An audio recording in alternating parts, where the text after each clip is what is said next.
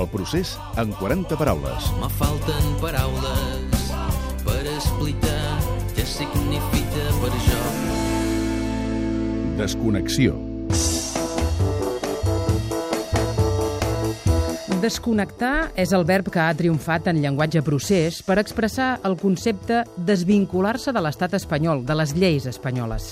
Això de connectar i desconnectar és una expressió que té un aire tecnològic, modern, i també un aire col·loquial i d'argot, com aquell que diu desconnecto, deixo de prestar atenció, me'n desentenc.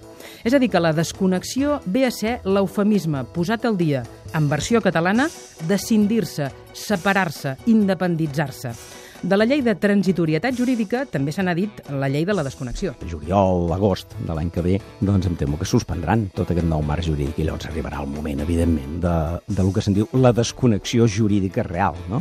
Però, per tant, estan fent un, un marc jurídic que el que farà és que quan això es tombi uh -huh. per part de, dels tribunals espanyols, aquesta llei pugui avançar per si sola. Continuarà vigent. Continuarà vigent perquè perquè ja no reconeixerem l'autoritat i la legitimitat del Tribunal Constitucional també a Madrid ha fet forat aquest verb desconnectar. Ni Cataluña se va a desconectar de ningún sitio ni se va a producir ninguna fractura. Nadie tendrá que escoger ni renunciar a su identidad española y europea.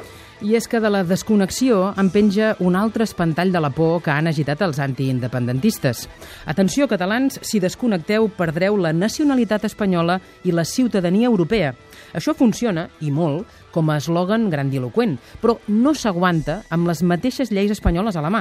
I això li va costar un ridícul radiofònic espantós a Mariano Rajoy. La nacionalidad española no la perderían los ciudadanos de Cataluña. Ah, no lo sé, es decir, ¿por qué no la perderían? ¿Y la europea tampoco? Porque la ley dice que el, que el ciudadano de origen na- nacido en España no pierde la nacionalidad aunque resida en un país extranjero si manifiesta su voluntad de conservarla. Pues, eh, ¿y la europea? Y la europea la tiene porque tiene la nacionalidad española.